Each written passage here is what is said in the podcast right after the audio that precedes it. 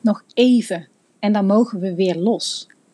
De een bekijkt het met argusogen, de ander paniekt al bij de gedachte en de ander is dolblij. Wat gaat er gebeuren? Voelen we ons veilig en blijven we gezond? Maar ook, lukt het om ons werk te doen? En hoe zal de omzet zijn? Kunnen we inzichten vasthouden? En welke hobbels komen nog? Mogelijk vliegen de vragen je al om de oren. Velen proberen inzicht te krijgen in wat er speelt. Wat de behoeften zijn hoe we daar iets mee kunnen doen. We proberen antwoorden te vinden in een wereld waar alles continu lijkt te verschuiven. Operatie Frisse Peper houdt zich bezig met verandermanagement en van de ene op de andere dag voelde ik me overbodig. Er leek zich een grote operatie voor mijn neus af te spelen en ik hoefde er niets voor te doen. Bedrijven die al jaren werkten naar een flexibele structuur of een leercultuur of meer eigenaarschap, moesten plotseling radicaal hun projecten tot realiteit omdopen. En het ging ze verdraaid goed af.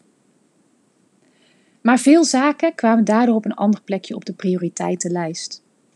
Even geen tijd voor reflectie, feedback of teamontwikkeling. Het is immers crisis. En zelfs al weten hoe belangrijk menselijk contact is, het kan gewoon even niet, niet nu.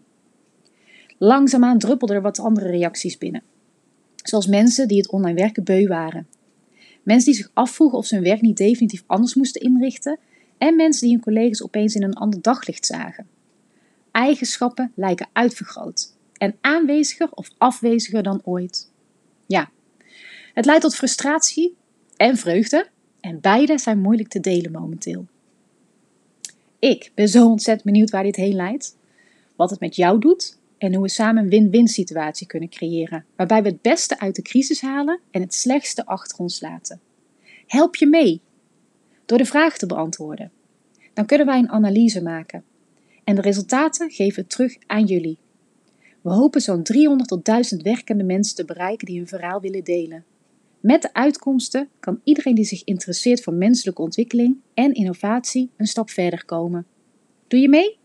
Je kunt de vraaglijst delen en of zelf invullen.